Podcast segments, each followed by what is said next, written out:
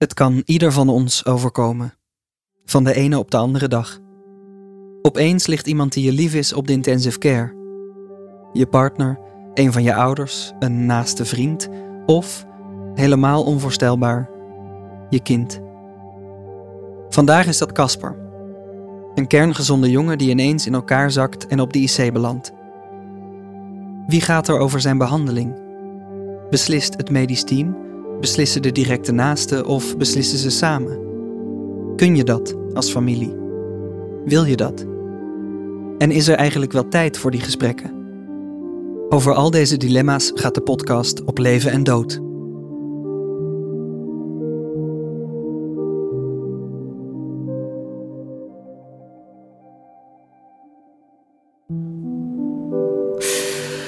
Ik zie hem de hele tijd in dat bed liggen. Uitgemergeld kapot. Caspar was een leuke, sterke, sportieve jongen. En dan is dat je laatste herinnering. Dat beeld krijg ik nooit meer weg. Ik ben zo verschrikkelijk kwaad. Op alles, op iedereen. Dat de wereld doordraait alsof er niks gebeurd is. Dat iedereen maar gewoon zijn boodschappen blijft doen. En daarom zit ik hier. Want dit is niet wie ik ben. En Peter? Eh, is Peter nog onderweg?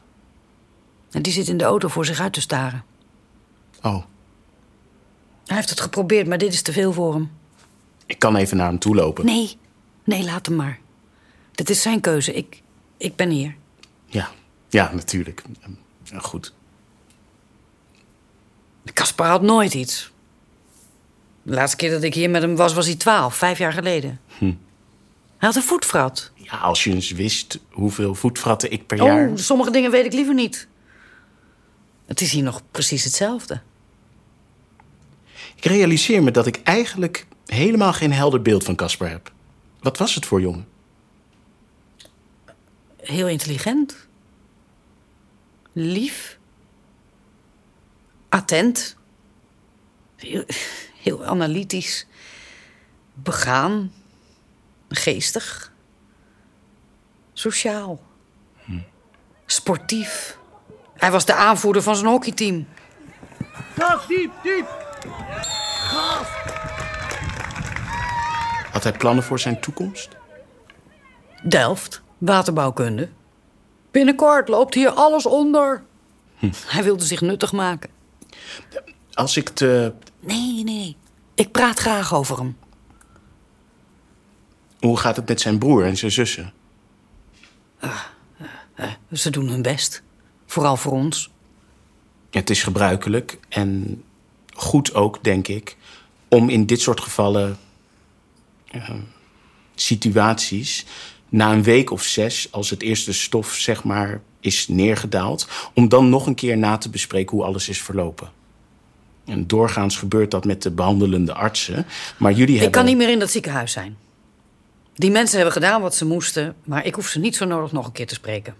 Dat hebben jullie aangegeven. En dat volgen wij. Dus daarom zit je hier bij je huisarts. En niet in het ziekenhuis. Ja, Weet je nog waar je was toen je het hoorde? ik lag in bed. Peters telefoon ging. Mijne zet ik altijd uit. Het was half twee s'nachts. Vrijdag. Casper was stappen met zijn vrienden. Kas nou? Die staat te bestellen. Kas! Kaspar! Biertje voor mij! Schatje! Hij staat aan de bar. En zakt zo in elkaar. Nooit iets gehad. 17 jaar, dus niemand denkt aan een hartstilstand. En veel te laat begonnen met reanimeren. Ambulance daarbij. Ze zijn meer dan drie kwartier met hem bezig geweest. En toen was hij ineens terug. Fysiek dan. Een hartslag. Maar zijn hersenen. Hugo, zijn beste vriend, belde ons op in tranen. Precies op het moment dat de ambulance wegreed. Dus Peter en ik met een bloedgang naar het ziekenhuis. En toen lag hij ineens op de kinder-IC. Goed werk, mensen. Ik wil nu eerst een CT-scan en dan snel naar de kinder-IC voor verdere behandeling. Ik sta zijn ouders te woord.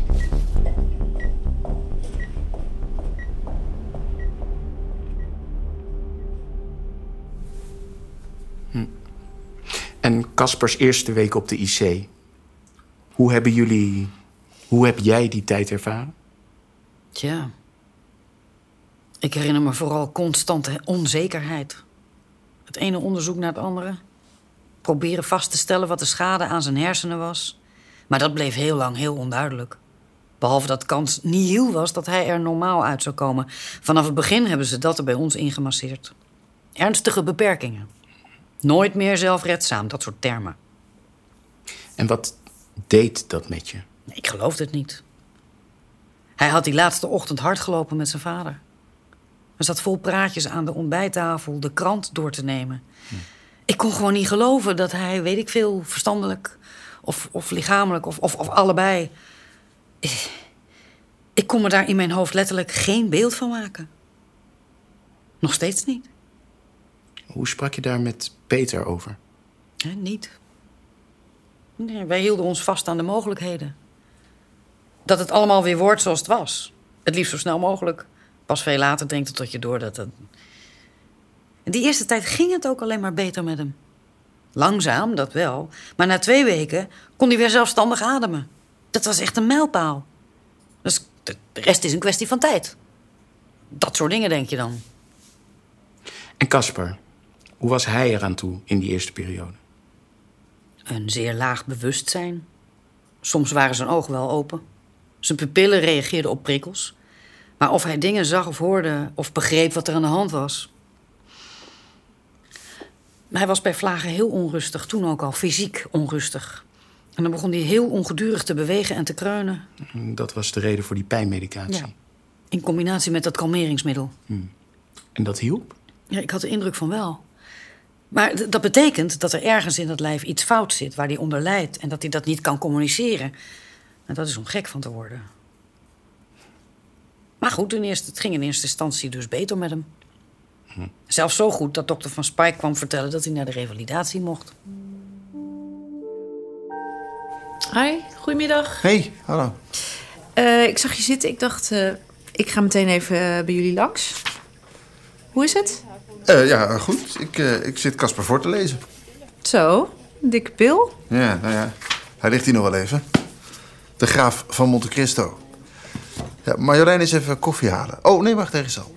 als iemand dit even van me aan kan nemen. Hallo. Hallo. Hi. Eh, is er een reden dat je langskomt of zomaar voor de gezelligheid? Nee, er is eh, wel een reden voor. Een goeie, mag ik hopen? Ja, we hebben vanmiddag eh, overleg gehad over Caspers situatie. Hoi, Casper. Ehm, hij ademt al twee weken zelfstandig. Eh, dat gaat eigenlijk eh, boven verwachting goed. En de zondevoeding, die loopt ook zonder problemen. Ehm, hij oogt ook een stuk rustiger sinds we de medicatie hebben aangepast. Ik weet niet hoe jullie dat eh, ervaren. Ja, wel, wel goed. Of goed. Wij zijn wel redelijk optimistisch. En vooral heel blij dat die beademingstoestand niet meer nodig is. En wij hebben stiekem de indruk dat hij zich ontspant als wij bij hem zijn. Dat hij dus ergens wel begrijpt wat er aan de hand is. Ja. Ja, nou ja, dat is eh, lastig te zeggen. Die conclusie durf ik medisch gezien nog niet aan. Maar ehm, hij oogt eh, veel eh, ontspanner, absoluut. Dat, dat zien wij ook. Ehm, en op basis van al die op zich eh, positieve verbeteringen... hoeft hij eigenlijk niet meer op die IC te zijn opgenomen. Oké. Ja, ja, wij zijn er om de vitale functies te ondersteunen en in de gaten te houden. Maar dat eh, heeft hij mooi overbodig gemaakt. Nou, Dus dat betekent dat hij binnenkort overgeplaatst wordt naar een revalidatiecentrum. Hoor je dat, Cas? Promotie. maar eh, waar is het dan precies? Wanneer zou dat gaan gebeuren? Eh, nou, ja, we hebben geen haast. Ehm, we willen Casper niet weg hebben. We gaan morgen op zoek naar een goede plek voor hem. Eh, zoveel mogelijk bij jullie in de buurt. En eh, hij krijgt daar dan ook weer een eh, eigen kamer. En jullie kunnen altijd bij hem langs. Dat, eh, dat blijft echt heel belangrijk, hè? Dus eh, boeken lezen, eh, muziek. Ja, Blijf met hem praten. ja dat, dat doen we zeker. En wat verwachten jullie dan van het verdere verloop? Dat is een goede vraag. Ehm, hij is natuurlijk veel beter dan hoe hij hier een maand geleden werd binnengebracht. Maar dat is voornamelijk fysiek. Dus eh, qua vitale functies is hij nu dan stabiel. Maar of er zich mentaal qua zijn bewustzijn nog belangrijke verbetering voor zullen doen, ik weet het niet. Ehm, Ik zeg altijd, zeg nooit nooit. Maar het is, eh, naarmate het langer duurt, wel eh, onwaarschijnlijker. Ja, nee, natuurlijk, snap ik. Maar voor nu gaan we toch even genieten van het goede nieuws als je het niet erg vindt. Tuurlijk. Dag Casper. Wij zien elkaar morgen. Eh, en dat is dan waarschijnlijk voor het laatst. Nou goed, kerel, je hoort het, hè? Dus eh, geniet er nog maar even van.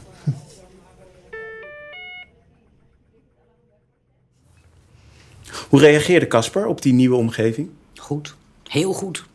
Heel erg goed. Die kamer was heel prettig. Voor hem, voor ons ook. Rustiger, minder stress.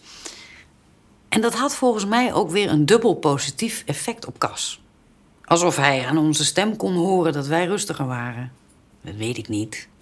Maar hij was na een paar dagen ineens een soort van wakker. Wakker? Ja, niet klaar wakker. Eh, maar als wij bij hem waren, dan zag je hem letterlijk ontspannen. En op een gegeven moment begon hij onze bewegingen te volgen. Met zijn ogen.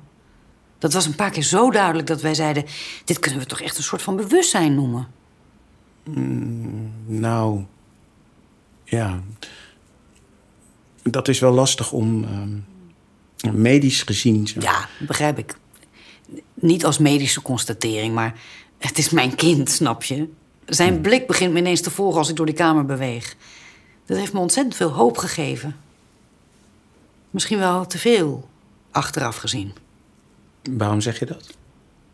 Nou ja, omdat... Sorry. Ja. Peter. Ach, lieverd. Ja, ik eh, kon niet in de auto blijven zitten. Maar goed, dat wist jij natuurlijk al lang. Ja, een beetje wel, ja. Eh, ga zitten. Eh, sorry, sorry dokter. Nee, ben je gek. Ik ben blij dat je erbij wil zijn. Oh, eh, willen jullie misschien iets van koffie of thee? Vergeet ik helemaal te vragen. Nee, nee, dank je. Ik ben oké. Jeetje, Peter. Dan wil ik toch wel weten wat je ertoe heeft gebracht. Ik weet het niet. Ons leven was... Ja, hoe zou ik het zeggen? Het was, het was te bevatten. Het was overzichtelijk.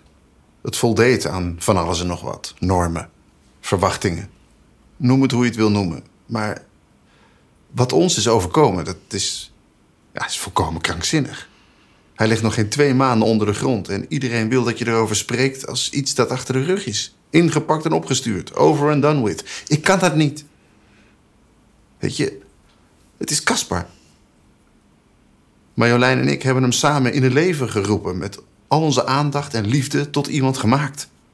Iemand die ons wezenlijke dingen heeft geleerd. En ineens is hij weg. In één keer. Niet meer in zijn bed, niet meer te lang onder de douche... niet meer met zijn hoofd in de ijskast... of hè, in de garage om zijn band te plakken. Hoe krijg je zoiets in godsnaam bevattelijk? Dat is ook niet waarom we hier zijn, Peter. Dat vraag ik niet van je. Ik ben wel heel blij dat je ondanks alles dat je toch gekomen bent. Nou ja, omdat Marjolein hier is. Ik kan wel koppig in de auto blijven zitten, maar ik kan ook je hand vasthouden en hier iets van proberen te maken.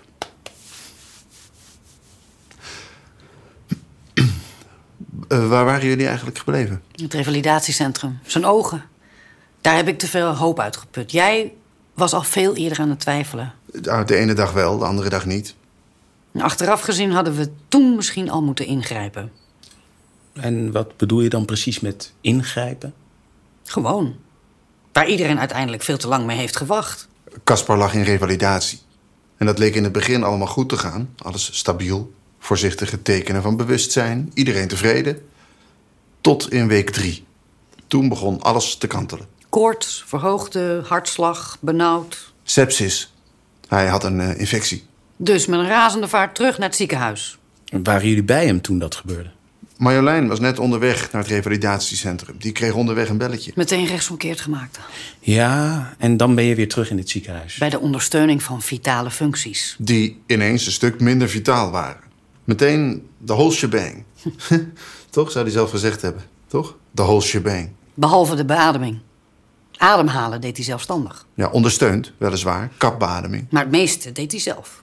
Zonder voeding gestopt, zonder verwijderd. Voeding via het infuus, antibiotica, vocht, noradrenaline om zijn hart te ondersteunen. Na een week was het allemaal wel weer aardig gestabiliseerd. Maar qua bewustzijn was het niets meer. Weg. Hij was, hij was weg. Hij werd opnieuw heel onrustig. En die pijnmedicatie had geen enkel effect meer.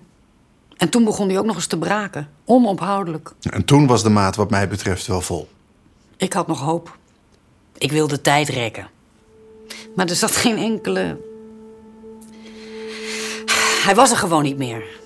En toen zijn we dus naar dokter Van Spijk gestapt.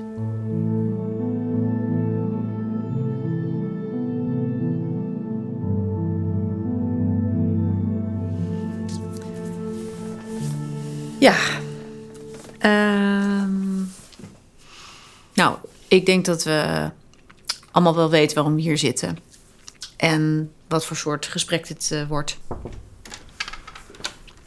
Pardon?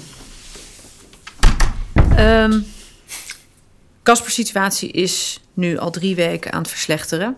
Het leek eh, een paar weken goed te gaan, maar hij is toch zodanig lang van zuurstof verstoken geweest. En de schade is daardoor zo vergaand dat we nu zien dat zijn hersenen nu ook hun regulerende functie beginnen te verliezen. Dus vandaar de hypertonie, het braken. Het is gewoon klaar. Als ik heel eerlijk ben, dan eh, zie ik zelf eigenlijk ook niet hoe Casper nu nog uit deze situatie kan komen. Het is klaar. En dat is als ouders is dat natuurlijk het laatste wat je wil zeggen over je eigen kind, maar ik zie gewoon echt geen andere uitweg. Dan is dit het enige wat we nog voor hem kunnen doen. Hè?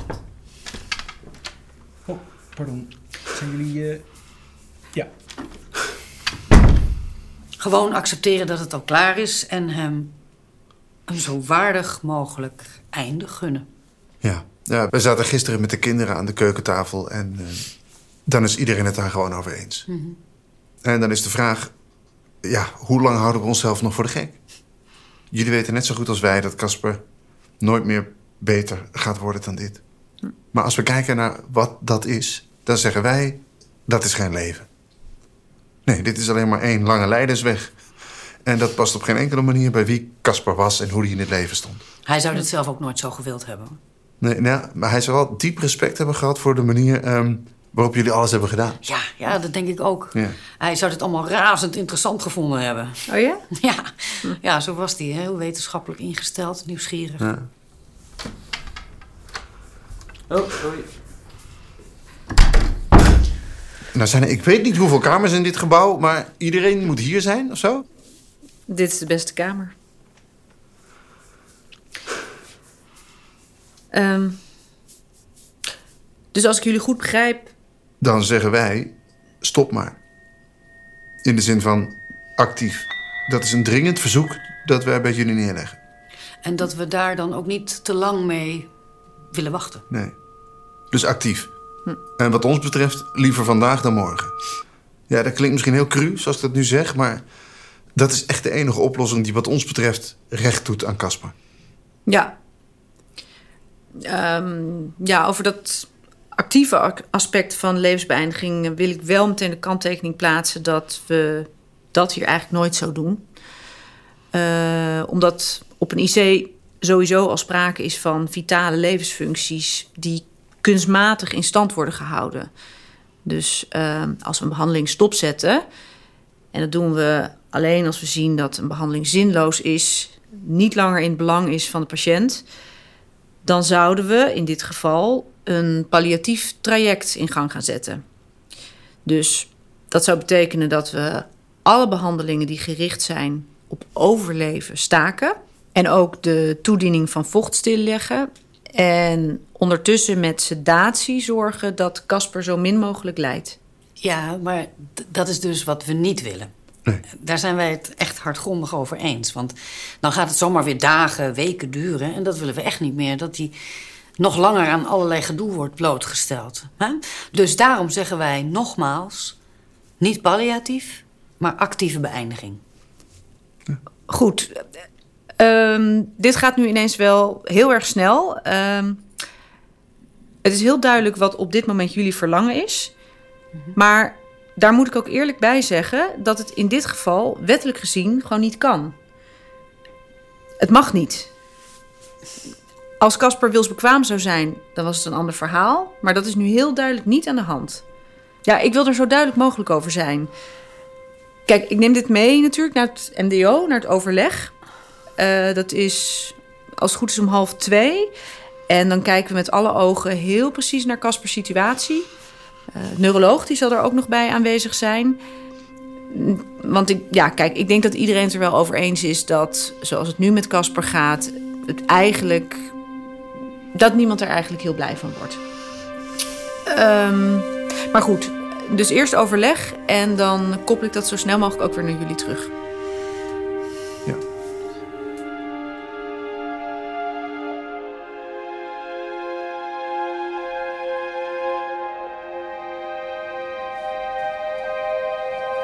Werden gewoon niet serieus genomen. Daar komt het op neer. Dus ze wisten gewoon niet wat ze met hem aan moesten. De helft ging voor de palliatieve optie, die wij dus echt nadrukkelijk nooit hebben gewild. Een paar artsen wilden zelfs nog van alles gaan proberen. Nog een keer zo'n pechzonde aanleggen, hè, zodat hij weer via zijn maag gevoed kon worden. En dan nog vier weken wachten. Vier weken? Dat is toch krankzinnig? Ja, en ik begrijp dat vanuit jullie boosheid. Maar ik wil daar wel bij zeggen dat een arts in de eerste plaats moet handelen vanuit het belang van zijn patiënt. En blijkbaar waren er artsen die daar nog ruimte zagen. Los van wat jullie daar als familie ook van vonden. Maar vier weken? Ja. Niemand heeft ons verzoek een kans gegeven. Een waardig einde voor Caspar. Dat is het enige waar het ons om ging. Nogmaals, ik begrijp dat natuurlijk vanuit jullie perspectief. Maar je moet je wel realiseren dat actieve levensbeëindiging. dat is niet niks. Dat is ook voor een arts iets heel ingrijpends. En dan spreek ik uit eigen ervaring. Dat is iets wat ingaat tegen alles wat het betekent om een arts te zijn. Maar het was toch overduidelijk dat het de enige optie was die Caspar rust kon geven? Dat is natuurlijk wat je wil. Dat hij op een waardige manier kan gaan. Maar in dit geval. Een arts kan niet zomaar actief een leven beëindigen. Daar zijn strenge eisen en procedures aan verbonden. En er moet in ieder geval altijd een verzoek van de patiënt zelf aan ten grondslag liggen. Maar dat verzoek kon Casper zelf niet meer doen. Dat is allemaal logisch gedacht. Maar mijn kind ligt uit te lijden en dan is er helemaal niets logisch. Ze hebben het niet eens overwogen. En dus is het gegaan zoals het is gegaan. Een nare, nare, mensonwaardige leidersweg.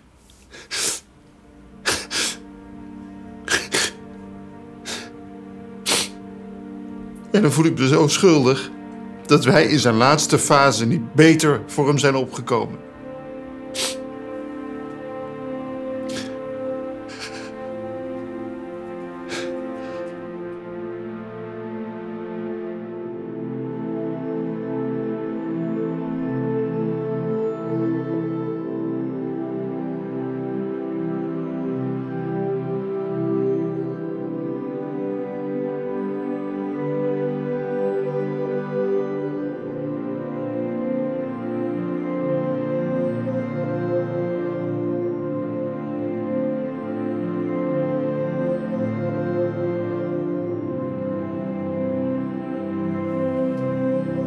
Toen is uiteindelijk toch het besluit gevallen om zijn behandeling stop te zetten.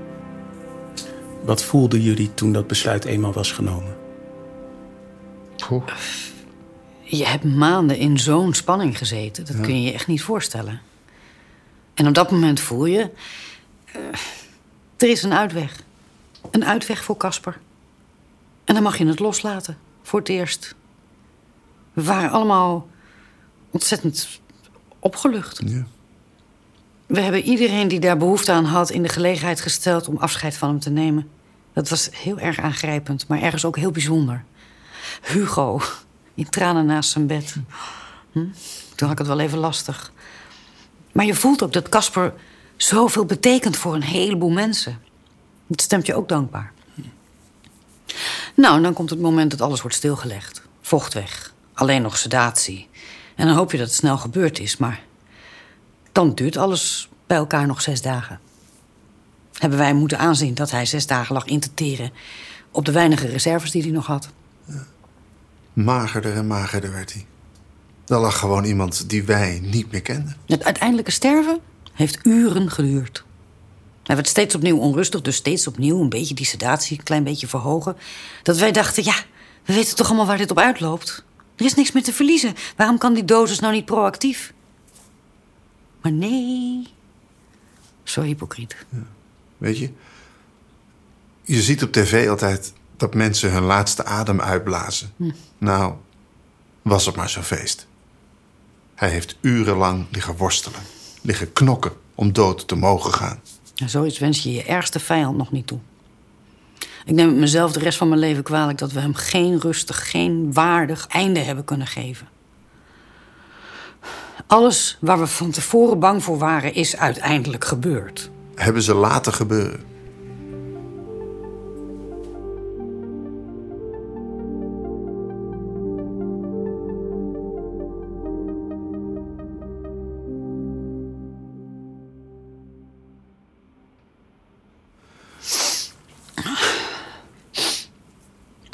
Ja. Zijn er verder nog dingen die jullie willen bespreken? Of genoemd willen hebben? Of vragen? Nee, ik denk dat alles wel zo'n beetje gezegd is. Ja. Goed. Ik schrijf een verslag. Dat stuur ik eerst naar jullie.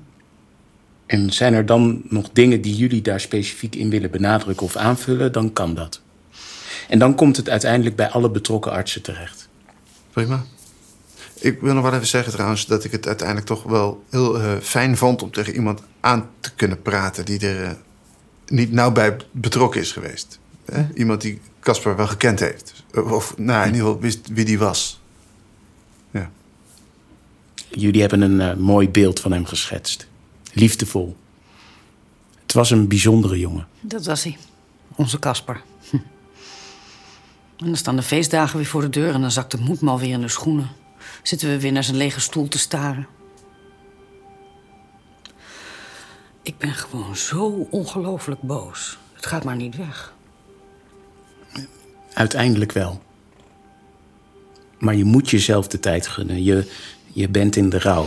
Eh, Ga met iemand praten, een psycholoog of een rouwtherapeut. Als je wil, kan ik je naar iemand doorverwijzen. Misschien is dat geen slecht idee.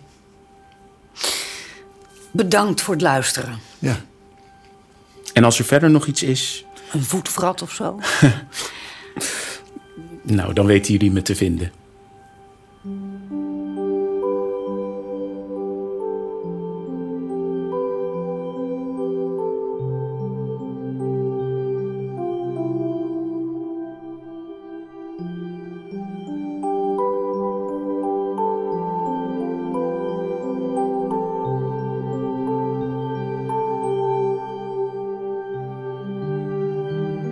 Luisterde naar een fictief verhaal gebaseerd op werkelijke situaties die dagelijks voorkomen op intensive care afdelingen in Nederland. Projectleiding en verhaallijn Mirjam de Vos. Scenario's Martijn de Rijk en Simon Heijmans. Regie Simon Heijmans. Acteurs in deze aflevering waren Nanette Edens, Katrien van Boksel, Michiel Blankwaard en Stefan Rokenbrand. Eindredactie Marion Oskamp, techniek Arno Peters en muziek was van Amir Vahidi. Op Leven en Dood is een podcast gemaakt in opdracht van Amsterdam UMC met financiële steun van ZonMW.